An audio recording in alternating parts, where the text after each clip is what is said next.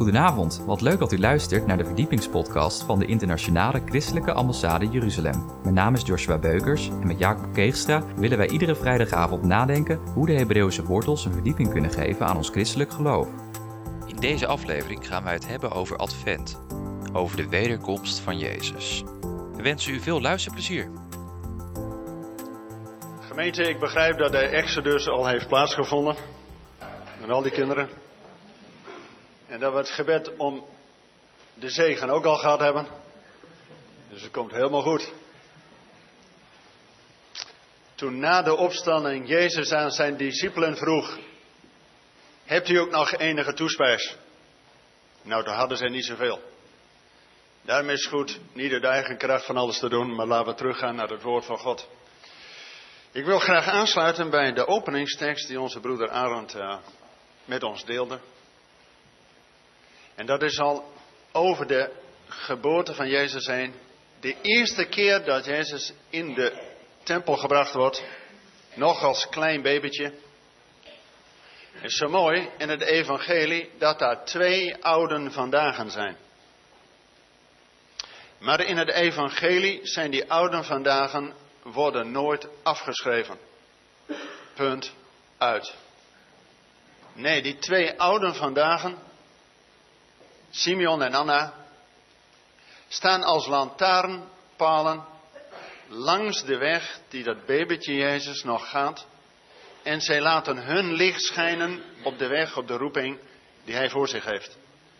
En dat profeteerden ze vanuit Lucas 2, notabene drie dingen over het kindje. Hij zal zijn tot licht voor de volkeren. Hij zal zijn heerlijkheid voor zijn volk Israël. En de derde, de verlossing van Jeruzalem. Laten dat ook de drie voorwaarden zijn voordat Jezus terug kan komen. Juist in deze laatste adventszondag, vanavond en morgen, en de dag daarna, zal het hier vast over kerst, over de eerste komst van Jezus gaan. Maar ik wil alvast met u meekijken over de eerste komst naar de wederkomst. Werd al gezegd, hij had een retourtje. Amen. En weet u, er staat in de schrift, Jezus moest naar de hemel gaan. Dus was de hemel dat nu leuk vond of niet, de hemel moest hem opnemen. Totdat. Laten we daarover gaan lezen, zodat onze verwachting van die wederkomst handen en voeten krijgt vanuit Gods woord. Ik wil met u lezen de overbekende zendingstekst. Die kent u vast. Ik heb een paar jaar op het Baptistenseminarie lesgegeven. En was natuurlijk een van de teksten om de mensen mee uit te zegenen. De voorgangers in spe was deze zendingstekst. Die kent u ongetwijfeld. Matthäus 28. En ik lees vanaf vers 16, Matthäus 28 vanaf vers 16. Ik ben blij dat u een Bijbel hebt. Smartphone mag ook tegenwoordig. Het is toch ook handig dat je altijd het woord bij je hebt. En dan staat Matthäus 28 vanaf vers 16. De elf leerlingen gingen naar Galilea, naar de berg waar Jezus hen had onderricht. En toen ze hem zagen, bewezen hem eer. Al twijfelden enkele nog. Jezus kwam op hen toe en zei: Mij is alle macht gegeven in hemel en op aarde. Ga dus op weg. Maak alle volken tot mijn leerlingen, door hen te dopen in de naam van de Vader, de Zoon en de Heilige Geest. En hen te leren dat ze zich moeten houden aan alles wat ik jullie opgedragen heb. En houd dit voor ogen: ik ben met jullie alle dagen tot aan de voleinding van deze wereld. De bekende zendingstekst. En na de opstanding, 50 dagen daarna Pinksteren, met de uitstorting van de geest, is dit in werking gezet. U weet, het evangelie is begonnen te Jeruzalem. Toen Judea, Samaria, en de eerste generatie discipelen heeft de toenmalig bekende wereld met het evangelie bereikt. Alleen al die eerste preek van Petrus, nou ging het niet om Petrus, maar om de kracht van de Heilige Geest die door de preek heen kwam. Eén preek, 3000 mensen tot geloof. Nou weet ik niet hoeveel preken je hier moet houden voor kampen. Maar komt goed hè? Komt goed. Met Paulus is het evangelie vanuit Jeruzalem naar Rome. En de schrift zegt hij is zelfs tot Spanje toegegaan. Thomas die ging de andere kant op, die ging naar de India. Die kamerling ging terug naar Ethiopië en de rest van de discipelen was in dat gebied ertussenin. Oftewel, de toenmalig bekende wereld, het hele Romeinse Rijk, vanaf Spanje tot India toe, is in één generatie met het evangelie bereikt. Amen. Alleen toen leek het net alsof de Heilige Geest een beetje indutte. Want daarna was het wat minder krachtig. In de tijd van Petrus en van Paulus, je leest in de schrift, zelfs zweetdoeken van Paulus waren voldoende om mensen tot genezing te brengen. Wauw.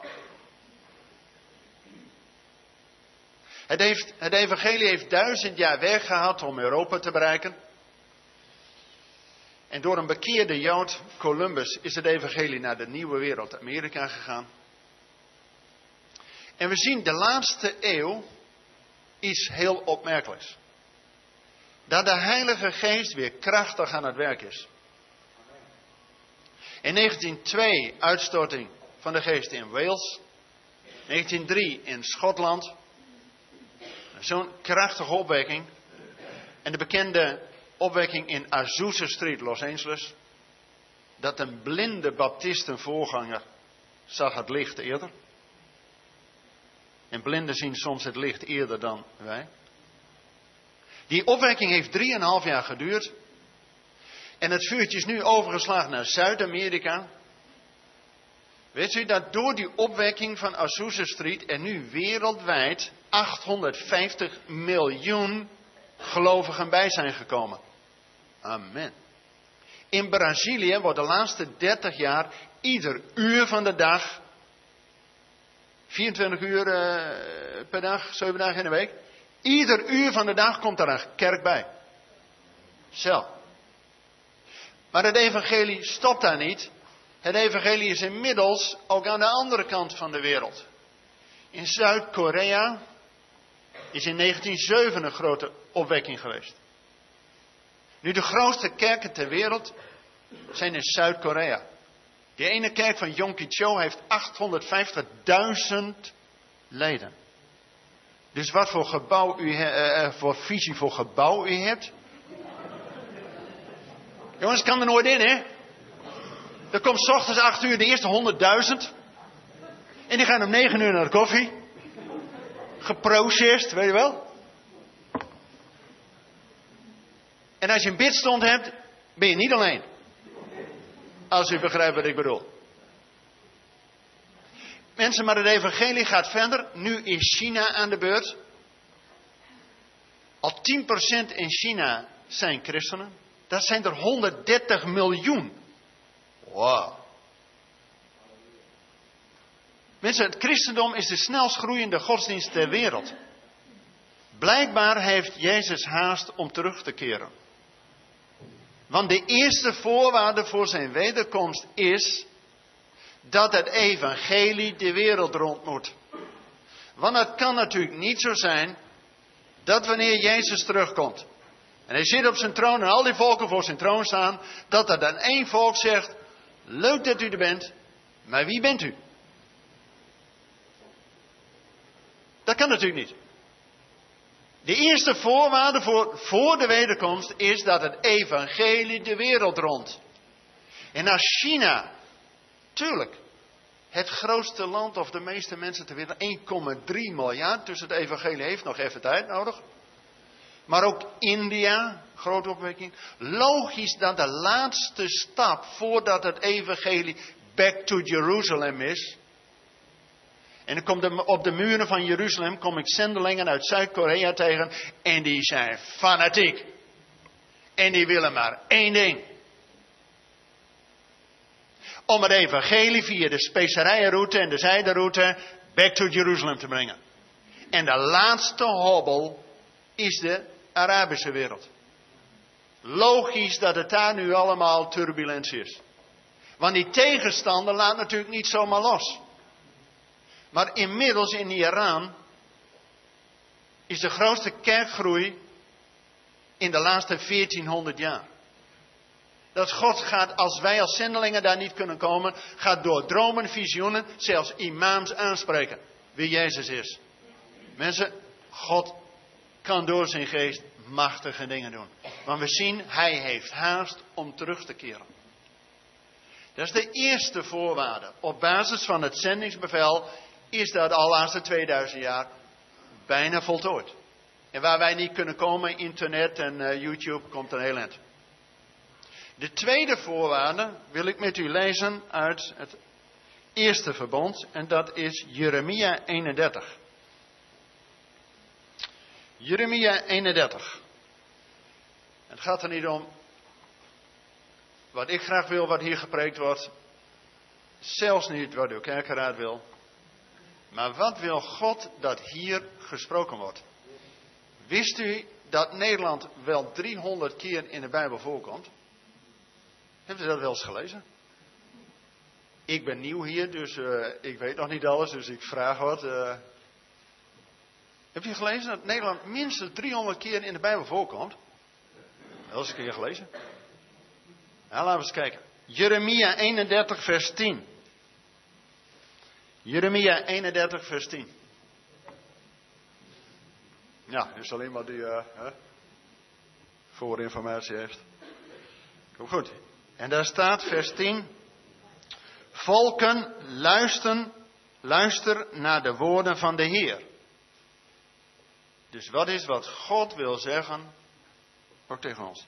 Vertel het verder op de verste eilanden, staat in de MBG, de kustlanden ver weg. Nou, dat zijn wij. De Bijbel is geschreven vanuit het perspectief van Israël. En dan zijn wij een van die kustlanden, Nederland, ver weg. Dus wat is het woord van de Heer? Verkondigt het tot aan die verste kustlanden. Hij die Israël verstrooid heeft, zal het samenbrengen. En het hoeden zoals een herder zijn kudde. Dus de tweede voorwaarde voordat Jezus terug kan komen. Vanaf Jezus en na de val van de tempel, het jaar 70, is Israël over de wereld verstrooid. Hebben Gods woord en het evangelie meegenomen. Dus dat is een licht en een baken voor ons geweest. Toen wij na 1472 en de, dat de Joden uit Spanje en Portugal moesten weggaan, kwamen ze in Antwerpen en daarna in Amsterdam. En dat is tot zegen voor Nederland geweest. Mensen, de eerste helft weten we vaak wel. Dat Israël verstrooid is onder de volkeren. En zijn er christenen en kerken die denken, nou, dan zijn wij nu het beloofde volk van God. Daar kan ik me voorstellen dat u dat denkt. In de middeleeuwen kon je van Israël niet veel zien. Maar nu, na 2000 jaar, God is zijn woord en zijn belofte nog niet vergeten. God heeft dit woord. Wij zijn de eerste generatie die dit kan zien, hè? Dat God die zijn volk verstrooid heeft, zal het terugbrengen. weet u, 1948 is niet zomaar toevallig een jaartal. Even in de herinnering. De Bijbel en de schepping begint met Adam en Eva. Begint de tijd met Janul. Dan na twintig generaties komt Abraham. De stamvader van Israël, de vader van de gelovigen. Die is geboren in het jaar 1948 vanaf Adam gerekend. En Jezus is de nieuwe Adam. Wordt de tijd weer op nul gezet. Onze tijdsrekening begint bij de geboorte van Jezus. En in 1948 is de hernieuwde staat Israël ontstaan. Niet toevallig op die datum. Want wij geloven in God die de tijd in zijn hand houdt. Dus we kunnen zien, en wij zijn de eerste generatie die deze profetie kan beamen dat God die zijn volk verstrooid heeft, zal het terugbrengen.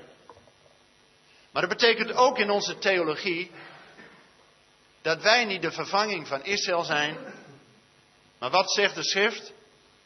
Dat wij die in het geloof en door het geloof in Jezus zijn we kinderen van Abraham. Gelaten 3 vers 7. Betekent als God trouw is aan zijn beloften aan Abraham, dan heeft het zin voor ons om te geloven in die God. Want als God niet trouw is aan zijn woord, niet trouw is aan de belofte van Abraham, dan moet hij moslim worden. Zo. Want die hebben een goed verhaal. Bij de moslims is de officiële theologie dat God is begonnen met Abraham en Israël. Maar ja, die hebben niet gedaan wat God in zijn woord heeft gezegd. Dus toen is God met die christenen verder gegaan. Alleen die hebben ook niet gedaan wat God in zijn woord heeft gezegd. Dus is nu de ultieme openbaring Mohammed en alles wat eromheen hangt. Dat is dubbele vervangingstheologie. Maar juist omdat God trouw is aan zijn woord, dat hij zijn volk verstrooid heeft en het terugbrengt, betekent dat God trouw is aan de beloften die al eeuwen ervoor aan Abraham al heeft gegeven.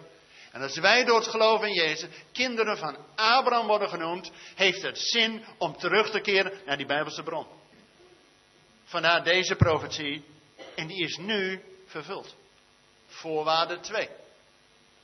Maar nu nog een hele belangrijke, en daar wil ik graag de rest van de tijd voor nemen. En die staat in Matthäus hoofdstuk 23.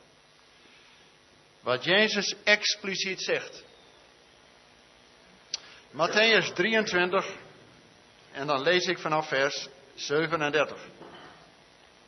Matthäus 23 vanaf vers 37. is de derde voorwaarde voordat Jezus terug kan komen. En daar staat Jeruzalem, Jeruzalem, dat de profeten dood en stenigt wie naar haar toe zijn gestuurd. Hoe vaak heb ik je kinderen niet bijeen willen brengen, zoals een hen haar kuikens, verzameld onder haar vleugels. Maar u hebt niet gewild. Jullie stad wordt eenzaam aan haar lot overgelaten. Ik verzeker jullie, vanaf nu zullen jullie mij niet meer zien. En als hier een punt had gestaan, gemeente, had het geen zin gehad dat wij hier gemeente zijn. Maar in het evangelie is het nooit een punt, want dan is het gewoon verschrikkelijk wat hier staat. Er staat een komma en het geeft nieuwe hoop, zodat. In het evangelie, ook al hebt u het soms verbruikt, God zet er nooit een punt achter, over en uit met jou maar geeft ons een nieuwe kans. Komma, totdat. En wat is de totdat? Ik verzeker jullie, vanaf nu zullen jullie mij niet meer zien, totdat. U zegt, gezegend hij die komt in de naam van de Heer. Amen. En tegen wie zegt Jezus dat? Tegen Jeruzalem. Dus niet zomaar tegen ons als gemeente. Jezus is heel precies zegt het tegen Jeruzalem, de inwoners van Jeruzalem en de leiders van het volk. En altijd als we in de Bijbel iets niet helemaal begrijpen, en ik begrijp een hoop dingen niet, dan is het principe dat je teruggaat naar de eerste keer dat het in de Bijbel staat. Daar wordt het fundament gelegd, gedefinieerd, en de rest van de Bijbel bouwt daarop voort. Want God zegt aan het eind van de Bijbel niet iets anders dan waar hij in het begin mee begonnen is. God is trouw, wist u? Zijn eerste karaktereigenschap. God is trouw. Daarom is hij te ver. Trouwen. Geloven is vertrouwen. Laten we eens kijken in de Bijbel wanneer het gaat over Jeruzalem. Nou, om ook in het teken van Advent te blijven. Jezus wordt aangekondigd in Matthäus 1. In de geslachtslijn van Jezus, hij is de zoon van Abraham en de zoon van David. In die lijn staat Jezus. Laten dat ook de cruciale mensen zijn die iets met die stad Jeruzalem hebben. De eerste keer dat het in de Bijbel gaat over Jeruzalem, is die wonderlijke ontmoeting van Abraham met Melchizedek. Koning van Salem, wat later Jeruzalem wordt, koning der gerechtigheid. Zonder begin en eind. In het verhaal daarbij, Abraham was met Lot naar het beloofde land gekomen. Lot had voor zichzelf die vlakte van Jericho, daarbij Sodom en Gomorra uitgekozen. En die mensen waren gevangen genomen. En Abraham bevrijdt hen. En dan wil notabene die koning van Sodom, wil Abraham belonen. En Abraham zegt, nee, God is mijn beloning. Gaat Abraham terug naar waar hij woonde, bij Sheva. En dan is die hemelse ontmoeting tussen de koning van Salem, Jeruzalem, en de vader van de gelovigen. En dan komt Melchizedek Abraham tegemoet met brood en wijn. Brood en wijn zijn tekenen van het verbond. Avondmaal. Van leef toch voor onderweg. En wat doet Abraham? Hij geeft vrijwillig de tienden. Dus de vader van gelovigen geeft vrijwillig de tienden. Toen was er nog helemaal geen Torah. Geen wet, geen Bijbel die zei dat 90% mag je houden en 10% beproef mij daarmee of ik dan niet de sluizen van de hemel zal openen om u overvloedig te zegenen. Maar Abraham deed het vrijwillig. Laat dat al een toepassing voor ons zijn. De tweede keer dat Abraham met Jeruzalem in contact is, is dat Abraham, die had tien beproevingen.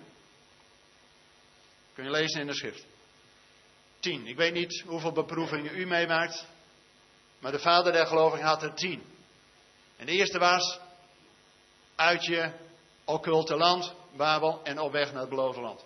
De tiende was de beproeving dat God zegt, Abraham, neem uw zoon, uw enige, die gij lief hebt, Isaac.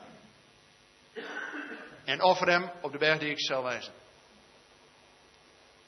Dat is die berg Moria, wat later de Tempelberg, hart van Jeruzalem is geworden. Trouwens, als God zegt, Abraham, neem uw zoon, uw enige, die gij lief hebt, Isaac. Over wie heeft God het dan? U bent nog stil eh, vanochtend. Ah. Goed dat u het zegt. Wanneer in de Koran staat Ismaël. Kijk, dat is vervangingstheologie. Als je iets anders doet dan wat God zegt. Als God het toch duidelijk zegt, Abraham neem uw zoon, uw enige die je lief hebt, Isaac. Over wie heeft God het? Isaac. Oké. Neem aan dat hier toch een aantal vaders in de zaal zijn. God zal toch aan je vragen, hè? Neem je zoon en offer hem. Meer. Maar Abraham bedenkt zich niet. De ochtends vroeg gaat hij op pad. Maar hij heeft wel drie dagen onderweg, hè? Dus drie dagen van twijfel en van weet ik het wat. En toch, hij gaat. En op het moment suprem dat hij eigenlijk Isaac al heeft opgegeven, zegt de engel stop. Nu weet ik dat je hart volkomen God is toegewijd. En in plaats van Isaac wordt die ram geofferd. En als je een ram offert, hoeveel chauffeurs heb je dan? Twee. Weet u dat chauffeur een hemels instrument is? Wij worden door het zeer schelle geluid opgeroepen tot de strijd. Maar de chauffeur is met name dat God wordt herinnerd aan zijn belofte. Dat hij gaat voorzien. Jeruzalem. En weet u wat Jezus, die zoon van Abraham, daarvan zegt? Johannes 8. Abraham heeft mijn dag gezien. Profetisch, 2000 jaar later. En heeft zich erover verheugd. Abraham hoefde uiteindelijk zijn zoon niet te offeren. Maar God, de hemelse vader, zijn zoon moest er wel doorheen. Maar dat deed hij voor u en voor mij. Weet je, Jeruzalem komt in de Bijbel nog een paar keer heel indrukwekkend naar voren. Ik zei al, Jezus wordt aangekondigd als zoon van Abraham en zoon van David. In de tijd van David, die was schoonzoon van de koning Saul, maar die hadden wat ruzie. Saul, een Benjaminiet, was koning over de tien stammen. En Benjamin ligt, het grondgebied van Benjamin, ligt net ten noorden van Jeruzalem. En op een gegeven moment, David was koning over zijn eigen stam, Juda. En het grondgebied van Juda ligt net ten zuiden van Jeruzalem. Hij was eerst koning te Hebron. En Jebus, zo heette die stad toen nog, was nog nooit veroverd sinds de tijd van Josia. Dus er lag het tienstammenrijk ten noorden van Jeruzalem en uh, David en Juda net ten zuiden. En op een gegeven moment Saul en Jonathan sneuvelen in de strijd. Dan komt het tien stammenrijk, komt bij David en zegt, word ook koning over ons. Zoals je vroeger ook voor ons uittrok in de strijd tegen de Filistijnen, word ook weer koning over ons. En dan doet David een meesterzet. Daar zouden nog veel managers iets van kunnen leren. Hij zegt niet tegen de grootste club, nou kom er maar bij joh. Ook leuk, gezellig. Want dan zou de grootste club zich altijd ondergeschikt voelen. Nee, hij had een strategie. En hij maakte iets nieuws voor beide partijen. Waar ze beide voor moesten vechten, maar ook samen de overwinning. Want Jebus lag precies tussen die twee in, maar was nog nooit veroverd. Dus hij zegt, we gaan gezamenlijk een nieuwe hoofdstad, Jebus, en dat wordt Jeruzalem. Alleen toen zeiden de lammen in de blinden van Jebus, je komt er nooit in joh. Wat wil je wel? Je komt er nooit in. Maar David was een herder, dus die weet in het Midden-Oosten, je moet kijken wat de loop van het water is. Dus via de watergracht en gang ging hij Jebus veroveren.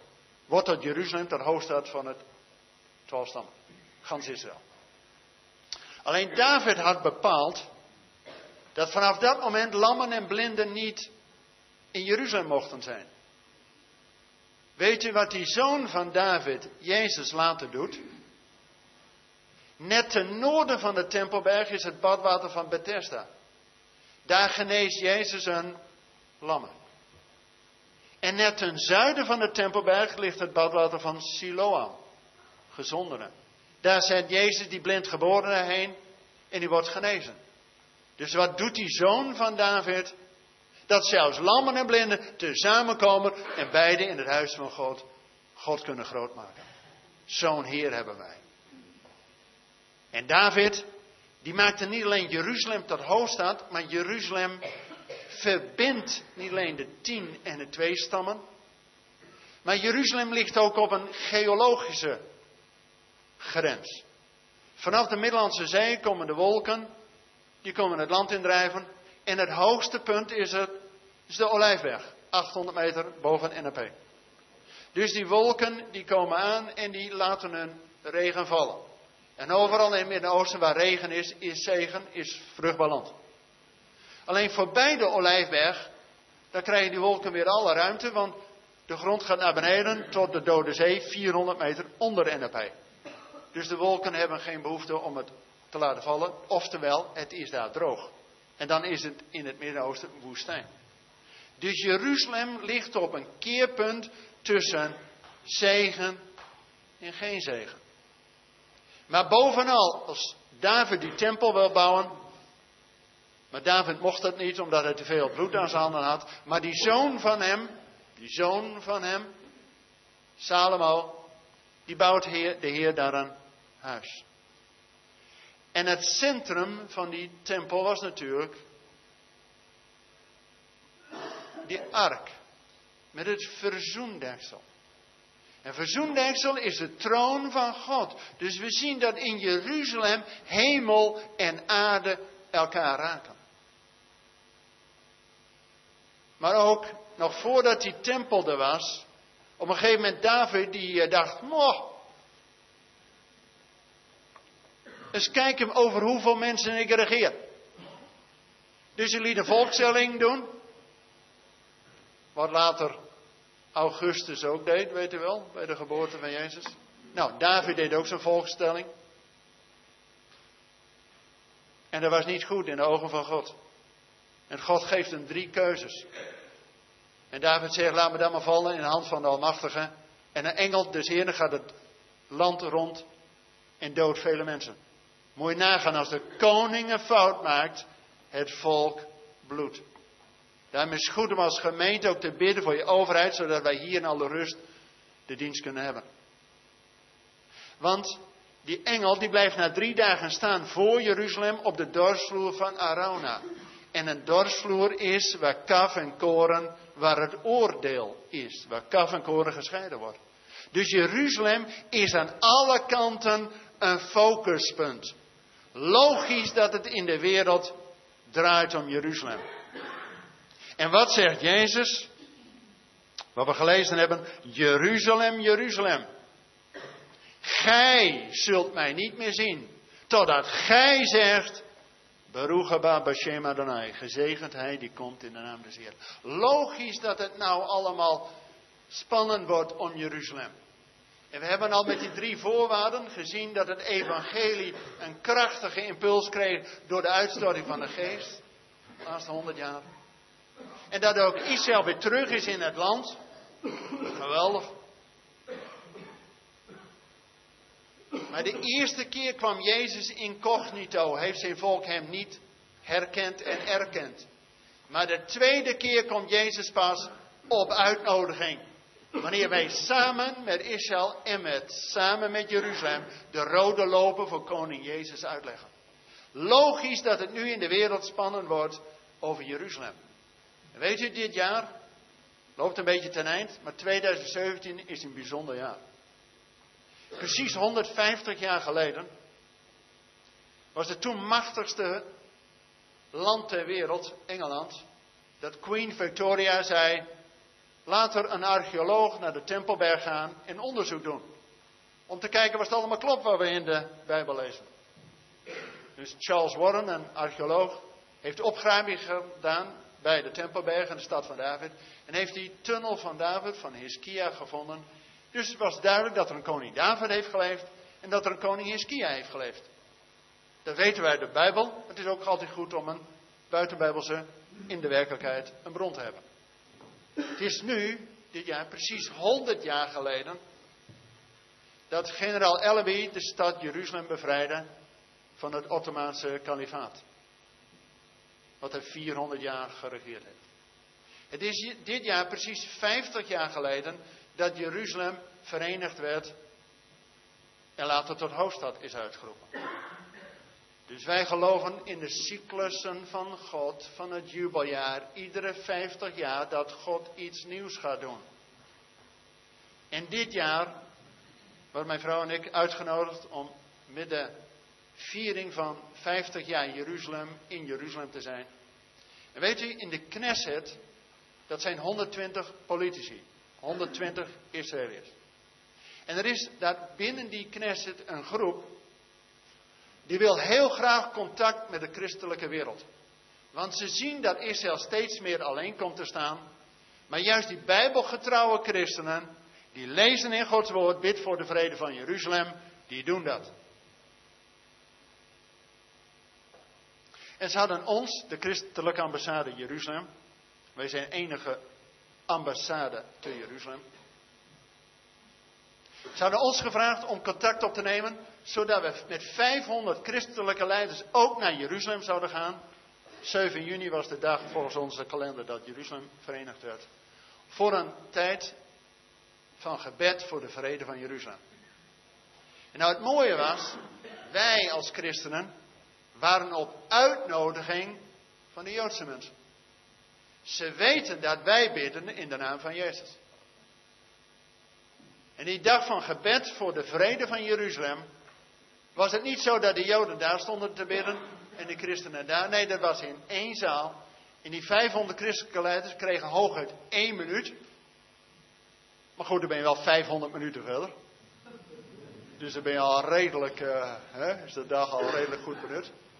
Maar het mooie was, degene die het namens de Joodse afdeling organiseerde, was een Messiaanse Jood. Zo. En zijn dochter deed de worship. Nou, daar was Yeshua voor en na, boven en onder. Ik denk, wauw. Ik was daar in die zaal. Ik denk, waarom ben ik hier? En eens had ik die gedachte, ik denk, ja. Ik geloof dat de Heer spoedig terug gaat komen. Want als hij dit op dit niveau, vanuit de politiek en de christelijke leiders, als die samen gaan bidden voor de vrede van Jeruzalem, in Jeruzalem. Jongens, we weten het is één herder, tot tijd dat die twee kuddes ook één worden. En als de Heer daarmee bezig is, dan is het wat gaan wij doen. Dus je dacht, wat die Trump ook allemaal beweerde, was die Amerikaanse ambassade naar Jeruzalem komt. Amen, wij zijn er al. Wij zijn ambassadeurs van Christus in Jeruzalem. Om jou het getuigenis naar Israël. En dat gaat vooral dat we hen tot jaloersheid opwekken. Weet u? Dat zegt de schrift. Wij die tot geloof zijn gekomen, moeten ook hen tot jaloersheid. Want wij aanbidden hun God van Abraham, Isaac en Jacob.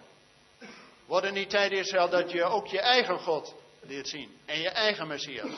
Maar dat God God op zijn tijd doen. En weet u, het wordt gewoon spannend rond. We zien dat het evangelie bijna de wereld rond is.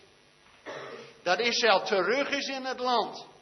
Maar ze kunnen wel fysiek terug zijn in het land. Maar ons gebed is dat ze terugkeren tot het hart van de Vader. En dat ook de leiders van het volk en de inwoners van Jeruzalem zeggen: jongens, dat ze niet op eigen kracht gaan vertrouwen, niet op een eigen leger, het zal nog spannend worden rond Jeruzalem. Maar dat ze alleen maar de hoofd omhoog kunnen doen en zeggen: Heer, help. Heer, kom spoedig. En dat is de adventsverwachting die over kerst heen in deze zeer nabije toekomst. Want mensen, Jezus heeft haast om terug te keren. Ik kan in een andere preek precies uitleggen welke datums dat, dat zijn. Want uit de schrift, we weten niet dag en uur, maar we weten wel het seizoen.